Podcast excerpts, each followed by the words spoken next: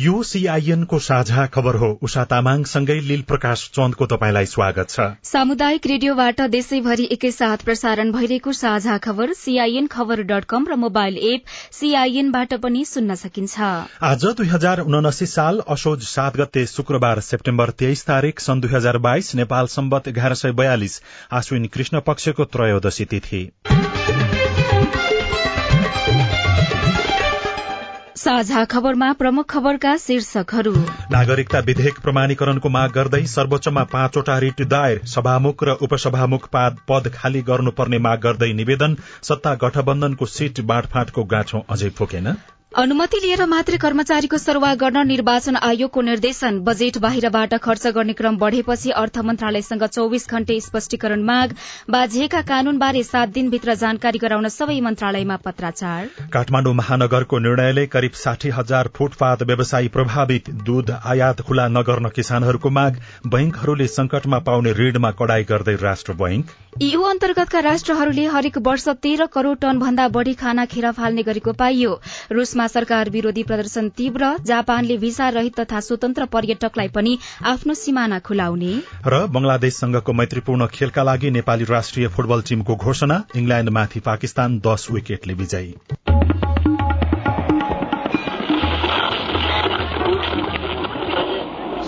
Radio. हजारौं radio कर्मी। र करोड़ौं नेपालीको माझमा यो हो सामुदायिक सूचना नेटवर्क सीआईएन साझा खबरको सबैभन्दा शुरूमा अनुमति लिएर मात्रै कर्मचारीको सरूवा गर्न निर्वाचन आयोगले दिएको निर्देशनको प्रसंग सरकारले कर्मचारीको सरूवा गर्दा निर्वाचन आयोगको अनुमति अनिवार्य रूपमा लिएर गर्नुपर्ने भएको छ। अस्थायी मतदाता नामावली संकलन शुरू भएको अवस्थामा कर्मचारीको सरूवा हुँदा नामावली संकलनमा बाधा उत्पन्न हुने भएकाले आयोगले अनुमति लिएर मात्रै सरूवा गर्न सरकारलाई निर्देशन दिएको हो।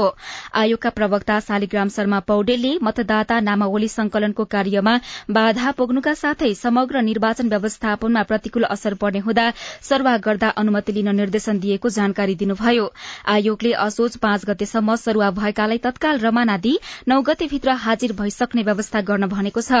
प्रधानमन्त्री तथा मन्त्री परिषदको कार्यालय मार्फत आयोगले सबै प्रदेश र स्थानीय सरकारलाई यस प्रकारको निर्देशन दिएको हो। आगामी मंगिर चार गते हुने निर्वाचनका लागि आयोगले असोज एघार गतेदेखि लागू हुने गरी निर्वाचन अधिकृत नियुक्त गर्ने कार्य समेत गरिसकेको छ। यसैबीच निर्वाचन नजिकिँदै गर्दा वार्षिक बजेट बाहिरबाट खर्च गरेको पाइएपछि निर्वाचन आयोगले अर्थ मन्त्रालयलाई चौविस घण्टाभित्र सम्पूर्ण विवरण पेश गर्न निर्देशन दिएको छ। आगामी प्रतिनिधि सभा र प्रदेशसभा निर्वाचनलाई प्रभावित पार्न मन्त्रालयले प्रभावशाली नेताको जिल्लामा नीति तथा कार्यक्रम र बजेट भन्दा बाहिरबाट रकम बाँडेको पाइएपछि आयोगले अर्थ सचिवलाई स्पष्टीकरण सोधेको हो। आगामी मंगिर चार गतेका लागि तय गरिएको निर्वाचनलाई प्रभावित तुल्याउने गरी वार्षिक बजेट र रातो किताबमा नसमेटिएका योजना तथा कार्यक्रममा समेत धमाधम गैर बजेटरी निकासा दिन थालेको भन्दै आयोगमा उजुरी परेको थियो। यसरी वार्षिक बजेटमै नराखिएका योजना तथा कार्यक्रमका लागि अर्थले रकमान्तर र स्रोत सुनिश्चितता गरेको भन्दै आयोगले अर्थ सचिव कृष्णहरि पुष्करलाई चौविस घण्टे स्पष्टीकरण सोधेको हो। निर्वाचन मिति घोषणा भइसकेको अवस्थामा संसदबाट स्वीकृत वार्षिक बजेट तथा कार्यक्रम भन्दा फरक तरिकाबाट नयाँ योजना तथा कार्यक्रमका लागि पैसा दिँदा त्यसले निर्वाचनको निष्पक्षता स्वतन्त्रता र स्वच्छतामा प्रतिकूल असर पर्ने आयोगको ठहर छ। त्यस्तै सरकारले गैर बजेटरी रकम निकासा र स्रोत सुनिश्चितताबारे उजुरी परेको पनि आयोगले जनाएको छ। नागरिकता विधेयक प्रमाणीकरण गर्न राष्ट्रपति कार्यालयका नाममा आदेश जारीको माग सहित सर्वोच्च अदालतमा हिजो एकै दिन पाँचवटा रिट दर्ता भएका छन्। ती रिटको पेशी आजको लागि तोकिएको छ। अधिवक्ता सागर बराल त्रिभुवन विश्वविद्यालयमा अध्ययनरत राज बराल काठमाडौँ स्कूल अफ लमा अध्ययनरत अविनेश अधिकारी लगायतले संयुक्त रूपमा र मोरङको रंगेली नगरपालिकाका देव शर्माले राष्ट्रपति कार्यालयलाई विपक्षी बनाई रिट दायर गरेको सर्वोच्च अदालतका प्रवक्ता विमल पौडेलले सीआईएनसँग बताउनुभयो। उहाँका अनुसार सभामुख र उपसभा प्रमुख पद खाली गराउन माग गर्दै अधिवक्ताहरू अनुपम भट्टराई र किशोर पौडेलले पनि सर्वोच्चमा हिजो नै रिट दायर गर्नु भएको छ। राष्ट्रपतिले नागरिकता विधेयक चाहिँ प्रमाणीकरण नगरेको सन्दर्भमा त्यो प्रमाणीकरण गराइपाउ भनेर चाहिँ पाँचवटा रिट गरेको छ सर्वोच्च अदालतमा आज। त्यसै गरी अब सभामुख र उपसभामुखको पदावधि कहिलेसम्म हुने भन्ने विषयमा पनि एउटा रिट गरेको छ रिट दर्ता गरेको कार्यकाल संहिता पनि अहिलेका सभामुख र उपसभामुखले राजीनामा नदिएको भन्दै रिटमा दुवै पद खाली गराउनको लागि परमादेश माग गरिएको छ। यसैबीच राष्ट्रपतिको पछिल्लो कदमको बारेमा सरकारमा रहेका र बाहिर रहेका दलहरूको बीचमा आरोप प्रत्यारोप शुरू भएको छ। नेकपा एमालेका अध्यक्ष केपी शर्मा ओलीले सरकारमा रहेका राजनैतिक दलहरूको गठबन्धनले राष्ट्रपतिको अपमान गरेको आरोप लगाउनु भएको छ। पार्टी कार्यालय च्यासल ललितपुरमा हिजो भएको एउटा कार्यक्रममा अध्यक्ष ओलीले सत्ता गठबन्धनले जनतालाई अल्मल्याइरहेको टिप्पणी गर्नुभयो। राष्ट्रपतिले पुनर्विचारका लागि पठाएको नागरिकता विधेयक जस्ताको त्यस्तै पारित हुनु ठिक नभएको उहाँको भनाइ थियो। नागरिकता विधेयक प्रमाणीकरण नभएको भन्दै विभिन्न समूहहरूले विरोध जनाउँदै आएका छन्। कतिपय संघ संगठन व्यक्तिहरूले भने राष्ट्रपतिको कदमको समर्थन पनि गरिरहेको पाइएको छ। प्रतिनिधि सभाको कार्यकाल सकिएसँगै यस मातहतका संसदीय समिति निष्क्रिय भएका छन्। तर चुनाव चाडपर्व लगायत राष्ट्रिय महत्वका विषयमा राष्ट्रिय सभा मातहतका समितिले छलफल तथा निर्देशनलाई तीव्रता दिएका छन्। दिगो विकास तथा सुशासन समिति विधायन व्यवस्थापन समिति प्रत्यायोजित व्यवस्थापन तथा सरकारी आश्वासन समिति राष्ट्रिय सरोकार तथा समन्वय समितिले निरन्तर छलफल गर्दै आएका छन्। प्रत्यायोजित व्यवस्थापन तथा सरकारी आश्वासन समितिले भने तीनवटा उपसमिति गठन गरेको छ भने बाझिएका कानूनको बारेमा सात दिनभित्र जानकारी गराउन सबै मन्त्रालयलाई पत्राचार गरिएको समितिका सभापति माया प्रसाद शर्माले सीआईएनसँग बताउनुभयो। पहिलो बैठकले सभापति निर्वाचित गर्यो। सर्वसम्मत रूपले दोस्रोमा हामीले उपसमितिहरू बनायौं। राम्रोसँग व्यवस्थापन गरौं र कामकाजी बनाऊ। भन्ने उद्देश्य सहित माननीय बिना पोखरेल युवराज शर्मा तुलसा दालको नेतृत्वमा चार पाँच यस्तै सदस्यहरूको समितिहरू बनाएको छ कानूनसँग बाजिएका विषयहरू कार्यान्वयन गर्ने कुरामा यो त्यो भनेका विषयहरू जो छन् यसका निमित्त मन्त्रालयमा हामीले अस्ति चिठी लेखेका छौँ एउटा सात दिनभित्र के पूरा भए के के तपाईँले लागू गर्नु भएको छ यो हामीलाई पठाइदिनुहोस् भनेर भने। अब त्यो आइसकेपछि हामीले फेरि उपसमितिले समिति फुल समितिमा बुझाउँछ। फुल समितिले त्यसलाई अध्ययन गर्छ। त्यो हो या होइन भन्ने कुरा पनि थपघट गर्छ। त्यसले पूरा गर्यो भने अनि बल्ल फेरि त्यसले एउटा सरकारलाई यो काम गर्नका निमित्त भनेर निर्देशन दिने भयो। समितिले ऐनद्वारा प्रत्यायोजित अधिकार बमोजिम नियमावली विनियमावली निर्देशिका कार्यविधि आदेश मापदण्ड बनेका छन् छैनन्। प्रत्यायोजित विधायनहरू सिद्धान्त अनुरूप बनेका छन् छैनन् भन्ने विषयमा अध्ययन गर्छ। राष्ट्रिय सभाको बैठकमा सरकारले व्यक्त गरेका आश्वासनहरू समयमै कार्यान्वयन भए भएनन्। मुलुकभित्र रहेका महत्वपूर्ण दस्तावेज अभिलेख र ऐतिहासिक एवं पुरातात्विक महत्वका स्थानहरूको संरक्षण व्यवस्थापनका बारेमा पनि प्रत्यायोजित व्यवस्थापन तथा सरकारी आश्वासन समितिले अध्ययन गर्छ।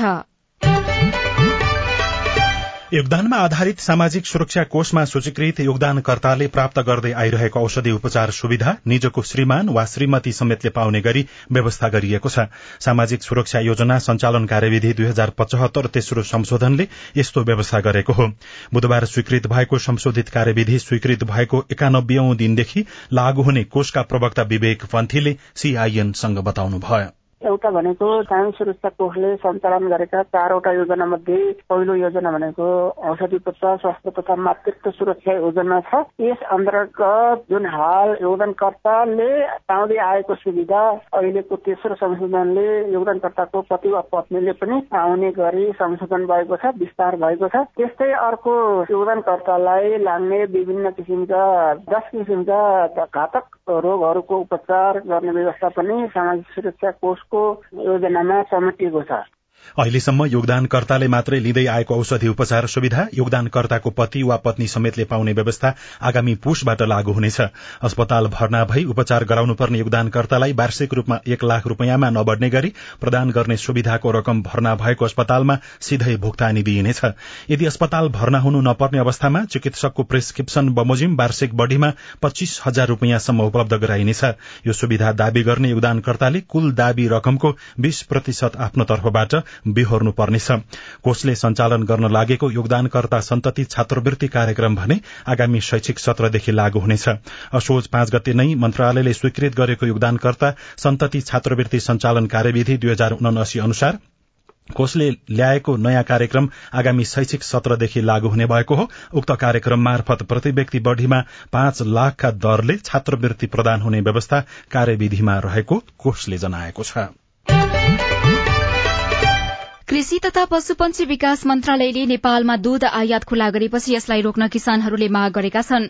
साउनदेखि असोज महिनासम्म प्रत्येक वर्ष दूध अभाव हुने गरेको भन्दै दुग्ध विकास संस्थान नेपाल डेरी एसोसिएशन लगायतले दूध आयात खुल्ला गर्न सरकारलाई अनुरोध गरेपछि असोज महिनाभर प्रतिदिन एक सय बीस लिटर दूध आयात गर्न पाउने व्यवस्था गरिएको छ। रोकिएको आयात खुल्ला गरेपछि नेपालको दूध नबिक्ने भन्दै किसानहरूले यसको विरोध गरिरहेका छन्। चितवन जिल्ला दुग्ध उत्पादक सहकारी संघले दूध आयात गर्ने निर्णय तत्काल रोक्न माग गरिसकेको छ भने सरकारको निर्णयलाई राष्ट्रिय कृषक समूह महासंघले विरोध गरिरहेको अध्यक्ष नवराज बस्नेतले बताउनुभयो।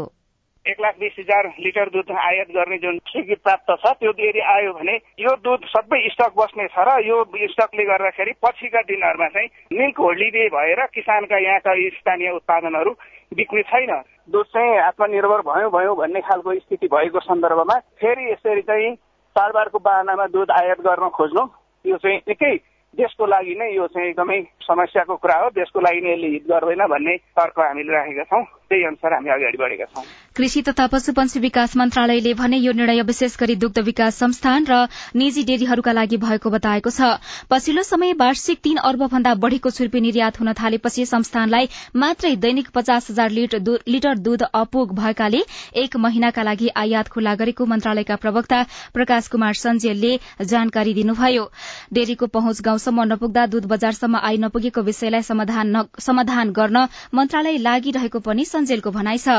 कृषि पशुपन्छी विकास मन्त्रालयका पूर्व सहसचिव डाक्टर विमल कुमार निर्मलले भने नेपालमा दूध उत्पादन नघटेको बताउनुभयो। नेपालका लागि प्रति व्यक्ति प्रति वर्ष एकानब्बे लिटर दूध आवश्यक पर्ने गरेकामा हाल प्रति व्यक्ति प्रति वर्ष चौरासी लिटर प्राप्त भइरहेको छ। दूधको आयातलाई रोक्न सरकार उद्योगी र किसान बीच समन्वय हुनुपर्ने डाक्टर निर्मलले बताउनुभयो। फ्याक्ट्रीहरू बन्दैछ तर उत्पादनमा आइसकेका छैन भनेको फ्याक्ट्रीले पनि दुध पाइरहेको छैन बजारको सूक्ष्म अध्ययन र यसका बजारका जति पनि सरोकारवालाहरू छ यिनीहरूको समन्वय र सहकारी गर्न सक्यो भने यो समस्या त्यति हुँदैन जस्तो लाग्छ बजारमा दूध अभाव रहेको निष्कर्ष सहित कृषि तथा पशुपन्छी विकास मन्त्रालयको प्रस्तावमा अर्थ मन्त्रालयले दूध आयात गर्नको लागि सहमति दिएको हो। दुग्ध विकास संस्थान डीडीसीका लागि प्रतिदिन चालिस हजार लिटर र निजी डेरीका लागि अस्सी हजार लिटर आयातको अनुमति दिएको बताइएको छ। पशु सेवा विभागका अनुसार भने पछिल्लो दश वर्षमा दूध उत्पादन दोब्बरले बढ़ेको छ। आर्थिक वर्ष दुई हजार सडसठी अडसठीमा वार्षिक तेह्र लाख मेट्रिक टन दूध उत्पादन हुन्थ्यो भने दुई हजार सतहत्तर अठहत्तरमा आइपुग्दा चौविस लाख उनासी हजार हजार भन्दा बढ़ी दूध उत्पादन भएको हो।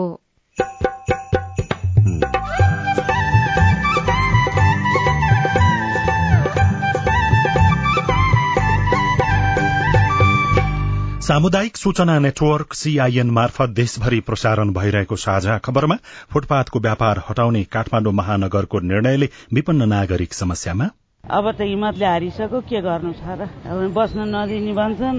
उपाय नै केही पनि छैन मेरो त अब। घर त छैन अब के फर्किनु? ब्याङ्कहरूको ब्याङ्कहरूले संकटमा पाउने ऋणमा कडाई गर्दै राष्ट्र ब्याङ्क लगायतका खबर बाँकी नै छन्। सीआईएनको साझा खबर सुन्दै गर्नुहोला।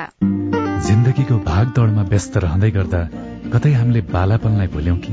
हाम्रा बुवा आमा दिदीभाइको संघर्ष र त्यागलाई भुल्यौं कि? आउनुहोस् फेरि एकपटक बालापनमा फर्क्यौं।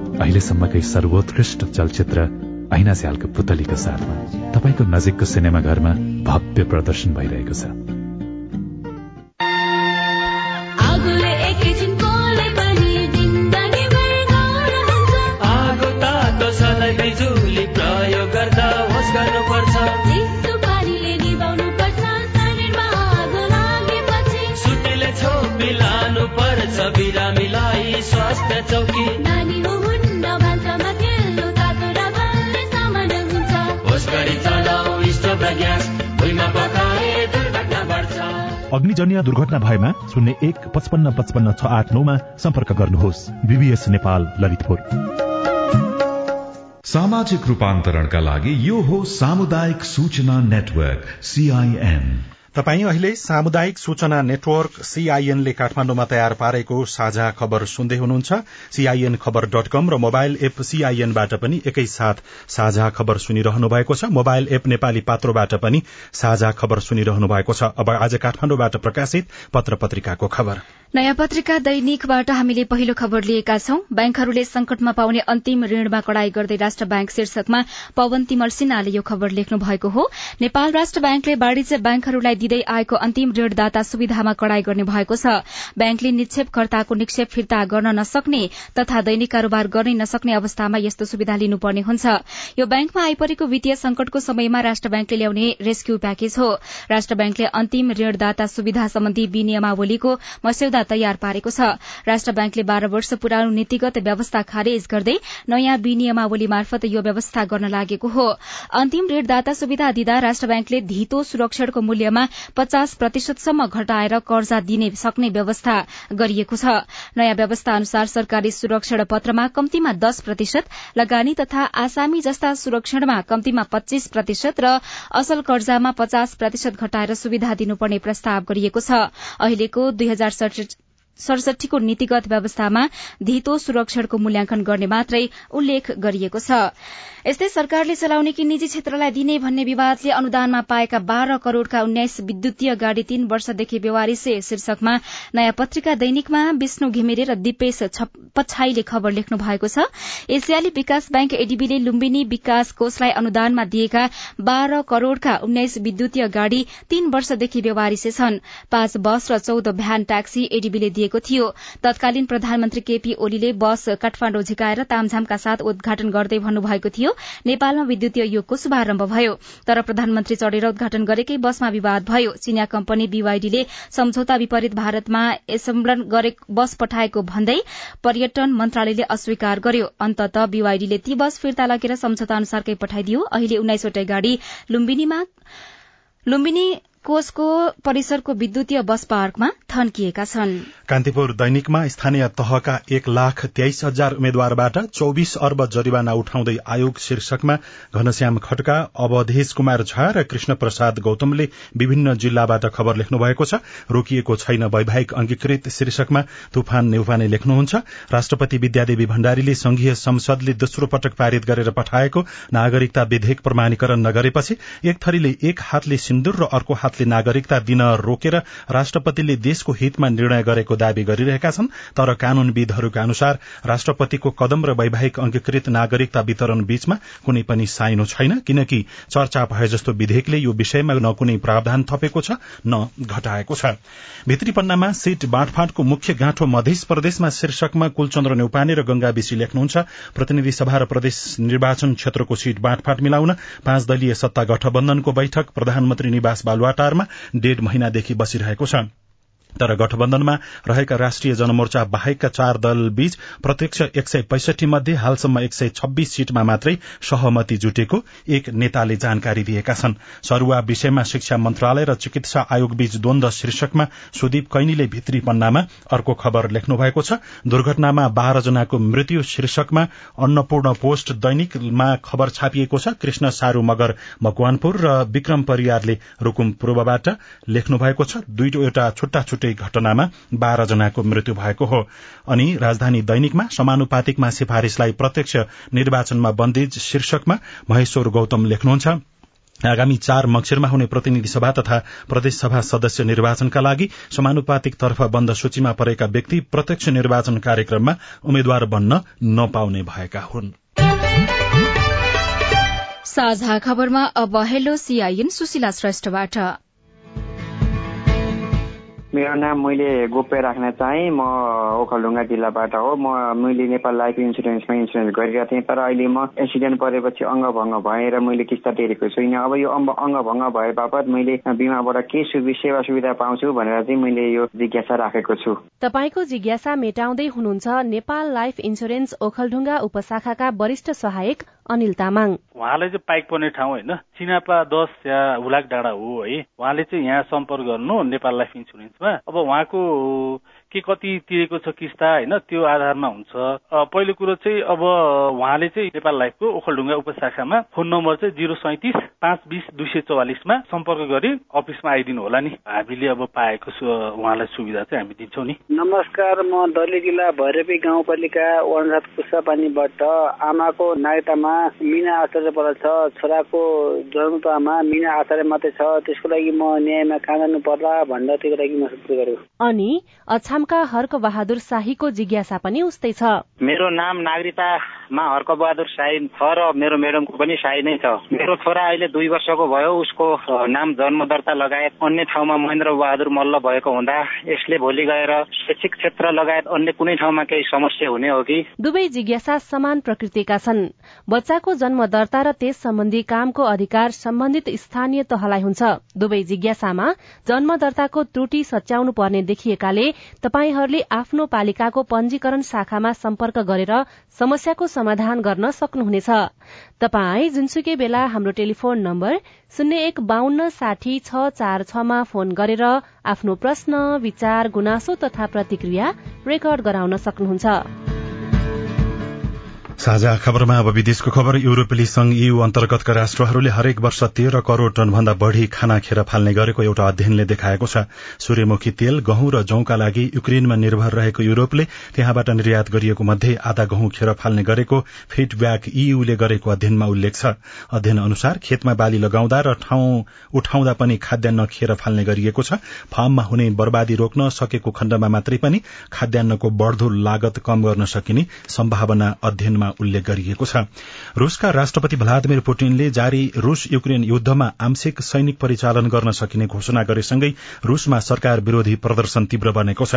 यो घोषणासँगै देश छोड्नको लागि सीमा क्षेत्रमा पुग्ने पुरूषहरूको संख्या बढ़िरहेको बीबीसीले जनाएको छ। पुटिनले हालै मात्र पश्चिमा मुलुकहरूले रूसलाई सिद्ध्याउन शुरू गरेको षड्यन्त्रलाई विफल पार्न आंशिक सैनिक परिचालन गर्न सकिने घोषणा गर्नुभएको थियो। र जापानले भिसा रहित तथा स्वतन्त्र पर्यटकलाई पनि आफ्नो सिमाना खुलाउने भएको छ। आउँदो अक्टोबर एघारदेखि दैनिक देश प्रवेश गर्ने विदेशी आगन्तुकको संख्यामा लागू सीमा पनि हट्ने जापानका प्रधानमन्त्री फुमियो केशिदाले घोषणा गर्नुभएको हो। यी नियम लागू भएसँगै जापान सरकारले कोविड उन्नाइस संक्रमणको विस्तार रोक्न साढे दुई वर्ष अघि लागू गरेका लगभग सबै नियमहरू हट्नेछन्।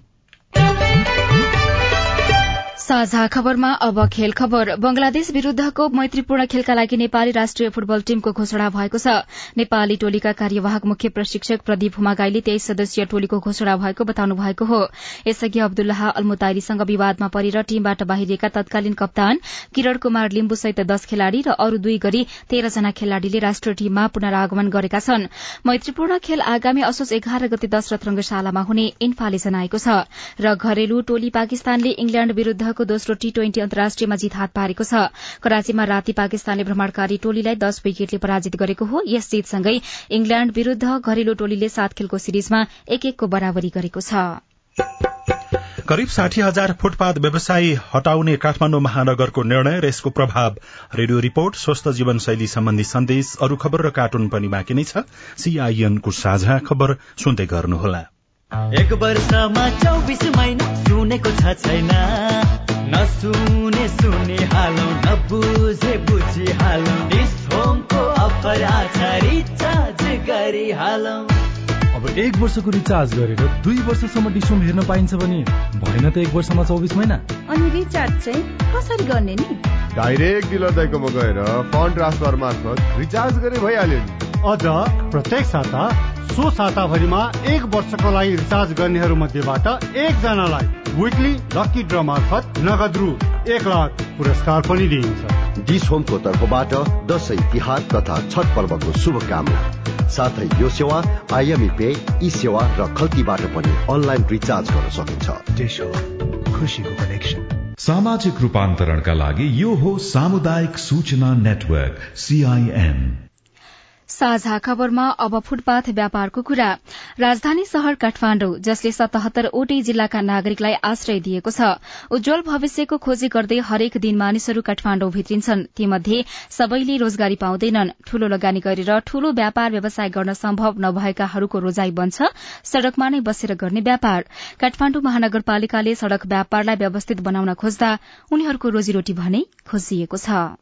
जतापता पानी थियो नयाँ बस पार थिएन हामी नुहाउन जाँदा थियौँ चौर चिया सबै चौरै चौर चिया पानी मात्रै थियो। बत्तीस वर्ष भयो माया महतरा कालीकोट छोडेर काठमाडौँ भित्रिएको। त्यस्ताका शहरमा मानिसको चहल पहल खासै थिएन। शहरले रंग फेर्यो तर दुई हजार सत्तालिस सालदेखि सड़क पेटीको व्यापार गरिरहनु भएका मायाको जीवनले भने रंग फेर्न सकेन। अझै पनि सड़क पेटी बाहेक उहाँको अर्को सहारा छैन। सरकारीको मानु पनि तिमीले खाने सरकारी तिमीले खाने यो धत्ती मत्ती तिमीले खाने हामीले काम पनि बसेर खाने एघार वर्ष अघि रामेछापका ठूला कान्छा केसी परिवारको जिम्मेवारी बोकेर वैदेशिक रोजगारीका लागि मलेसिया पुग्नुभयो। आफैले काम गर्ने उद्योगमा भएको दुर्घटनामा केसीको देब्रे हात गुम्यो र रोजगारी पनि। परिवार पालन पोषणको खर्च जुटाउन सड़क पेटी नै उहाँका लागि रोजगारी बनिरहेको थियो। पहिला राम्रो थियो अब अहिले चाहिँ हटुने हटुने भनेको छ। अब यो तिन दिन चार दिन गर्छु छोडिदिन्छु। म पनि अब पछि अरूलाई दिएँ भने म पनि गर्छु अरूलाई दिएन भने अब आफू नि त्यस्तै यताउति गरेर बस्नै पर्छ। अब यहाँ छोडेर घरतिर गएर यसो अब बसिरहने। नुवाकोटका भोटेपुरी दादिङका दीपक राणा र सल्यानका मिर्सी खड्काको कथा पनि लगभग उस्तै छ। केहीलाई आर्थिक र केहीलाई पारिवारिक अवस्थाले काठमाडौँका सड़क पेटीमा ल्याइ पुर्यायो दुई छाक चलाउनकै निम्ति उनसत्तरी वर्षको उमेरमा समेत काभ्रेका राधा पराजुली सड़कमै संघर्षरत हुनुहुन्छ। दस किलो मलाई ल्याएको आज चार पाँच दिन भइसक्यो बेच्न पाएको छैन। अब त हिम्मतले हारिसक्यो के गर्नु छ र? अब बस्न नदिने भन्छन्। उपाय नै केही पनि छैन मेरो त अब। घर त छैन अब के फर्किनु? ससुरा घरले बनाएको घर भैँचालाले लैहालो। अनि अब जग्गा जमिन आफ्नो नाममा छैन। दशैंका सामान बेचेर दशैं मनाउने योजना बनाइरहेका उनीहरूलाई चाडबाडकै मुखमा काठमाडौँ महानगरपालिकाले गरेको निर्णयले वज्रपात परेको छ। दशैंमा बेच्ने योजनाले किनेका सामान घरमै असरल्ला छन्। महानगरले अर्को विकल्प दिएको छैन। मेरो त तिन सय साठी हो त दोकान नाङ्ला लैसे मान लैसे होला। आए उठाएर लान्छ नदेखे पनि देख्यो भने लिएर भाग्यो सके भाग्यो नसके लुट्छ लान्छ। यो सामान त लगेर घरमा राख्नु त भएन। अब अरू काम गर्नु भने यो सामान त कटाउनु कटाइसक्नु पर्यो नि त। दसैँको मुखमा बढ्दो भीड़भाड़ व्यवस्थापन र शहरी सौन्दर्यकरणका लागि महानगरको निर्णय स्वागत योग्य भएकोमा उनीहरूमा पनि सन्देह छैन। तर सड़कमै व्यापार गरेर पालिएकाहरूको जीवन यापनको उचित टुङ्गो लगाउनु पर्ने व्यापारीहरू बताउँछन्। त्यसबारे महानगरको योजना के छ? काठमाडौँ महानगरपालिकाका प्रवक्ता नवीन मानन्दर। अब नसोचेकै त होइन तत्कालले हामीले चाहिँ अब यही व्यवस्था गर्छु भन्ने अवस्था चाहिँ छैन अब सल्लाह सुझाव भइरहेको छ कुन चाहिँ उपयुक्त हुन्छ भनेर तर अहिले ठ्याक्कै चाहिँ अहिले बोल्न सक्ने अवस्थामा चाहिँ छैन। अब आफ्नै आफ्नै व्यवस्था गर्नु पर्ला अब महानगरबाट चाहिँ ठ्याक्कै चाहिँ व्यवस्थापन चाहिँ गरिँदैन होला। अहिले सड़क पेटीमा बसेर कतिले व्यापार गरिरहेका छन् भन्ने यकिन तथ्याङ्क छैन तर लगभग साठी हजार मानिस सड़कसँगको व्यापारमा निर्भर छन्। उनीहरूका लागि विकल्प खोजिदिनु पर्ने सरोकारवाला बताउँछन्। अविनाश आचार्य सीआईएन काठमाडौँ। रिपोर्टसँगै हामी साझा खबरको अन्त्यमा आइपुगेका छौं। सामुदायिक रेडियो प्रसारक संघद्वारा संचालित सीआईएनको बिहान छ बजेको साझा खबर सक्नु अघि तपाईँको स्वस्थ जीवनशैलीसँग जोडिएको एउटा सन्देश महिनावारी रोक्ने औषधि खानु कति उपयुक्त हो? प्रोजेस्ट्रोन मात्रै भएको पिल्स खाने हो। कहिले काहीँ खाँदाखेरि त्यति धेरै ठुलो हार्म चाहिँ गरी हाल्दैन होला। तर पनि औषधि हो। स्वास्थ्यको अवस्था के छ भनेर नबुझिकन यतिकै औषधि पसलबाट लिएर खाएको राम्रो हुँदैन। अहिले मैले भन्दा अँ ठिकै हुन्छ खाइदिनुहोस् कहिले काहीँ खान त भन्न मिल्दैन। किनभनेदेखि तपाईँको आफ्नो स्वास्थ्यको अवस्था के छ भन्ने कुरा मलाई त थाहा छैन। कहिले काहीँ कुनै कुनै स्वास्थ्य समस्या तपाईँको पहिलेदेखि नै छ र त्यो चाहिँ पहिचान नै भएको छैन भने त्यो औषधिले तपाईँलाई खराब पनि गर्न सक्छ। त्यही भएर स्वास्थ्य संस्थामा गएर सम्बन्धित डाक्टरसँग सल्लाह गरेर मात्रै खाइदिनु भए राम्रो हुन्छ। स्त्री रोग विशेषज्ञ डाक्टर सरोजा पाण्डेसँगको कुराकानीमा आधारित यो सन्देशसँगै साझा खबरमा मुख्य मुख्य खबर फेरि एकपटक। नागरिकता विधेयक प्रमाणीकरणको माग गर्दै सर्वोच्चमा पाँचवटा रिट दायर। सभामुख र उपसभामुख पद खाली गर्नुपर्ने माग गर्दै निवेदन। सत्ता गठबन्धनको सीट बाँडफाँटको गाँठो अझै पुगेन। अनुमति लिएर मात्रै कर्मचारीको सरुवा गर्न निर्वाचन आयोगको निर्देशन। बजेट बाहिरबाट खर्च गर्ने क्रम बढ़ेपछि अर्थ मन्त्रालयसँग चौविस घण्टे स्पष्टीकरण माग। काठमाडौँ महानगरको निर्णयले करिब साठी हजार फुटपाथ व्यवसायी प्रभावित दूध आयात खुला नगर्न किसानहरूको माग बैंकहरूले संकटमा पाउने ऋणमा कडाई गर्दै राष्ट्र बैंक। यू अन्तर्गतका राष्ट्रहरूले हरेक वर्ष तेह्र करोड़ टन भन्दा बढ़ी खाना खेर फाल्ने गरेको पाइयो। रूसमा सरकार विरोधी प्रदर्शन तीव्र। र बंगलादेशसँगको मैत्रीपूर्ण खेलका लागि नेपाली राष्ट्रिय फुटबल टीमको घोषणा। साझा खबरको अन्त्यमा कार्टुन। कार्टुन हामीले पहिलो पोस्ट डट कमको अनलाइन संस्करणबाट लिएका छौं। रविन्द्रले बनाउनु भएको कार्टुन हो। व्यङ्ग्य गर्न खोजिएको छ। महामारीको रूप लिँदैछ डेंगी तर पनि सरकारवालाले ध्यान नदिएको भनेर गुनासो आइराखेको छ। पत्रिका छ। पत्रिकामा महामारीको रूप लिँदै डेंगी लेखिएको छ। दुईजना लामखुट्टे कुराकानी गर्दैछन्। माथि चाहिँ यस्तो लेखेको छ यसपालि त सरकारले हामीलाई मार्ने अभियान पनि खासै चलाएन। धुवा पनि खान परेन हगी क्या मजा सरकार होस् त यस्तो। हवस् त प्राविधिक साथी सुनिल राज भारतलाई धन्यवाद। अहिलेलाई लील प्रकाश चन्द र उषा तामाङ विदा भयौं। तपाईँको आजको दिन शुभ होस्। नमस्कार। यसपछि देशभरिका सामुदायिक रेडियोबाट कार्यक्रम हेलो सांसद प्रसारण हुनेछ। सुन्ने प्रयास गर्नुहोला।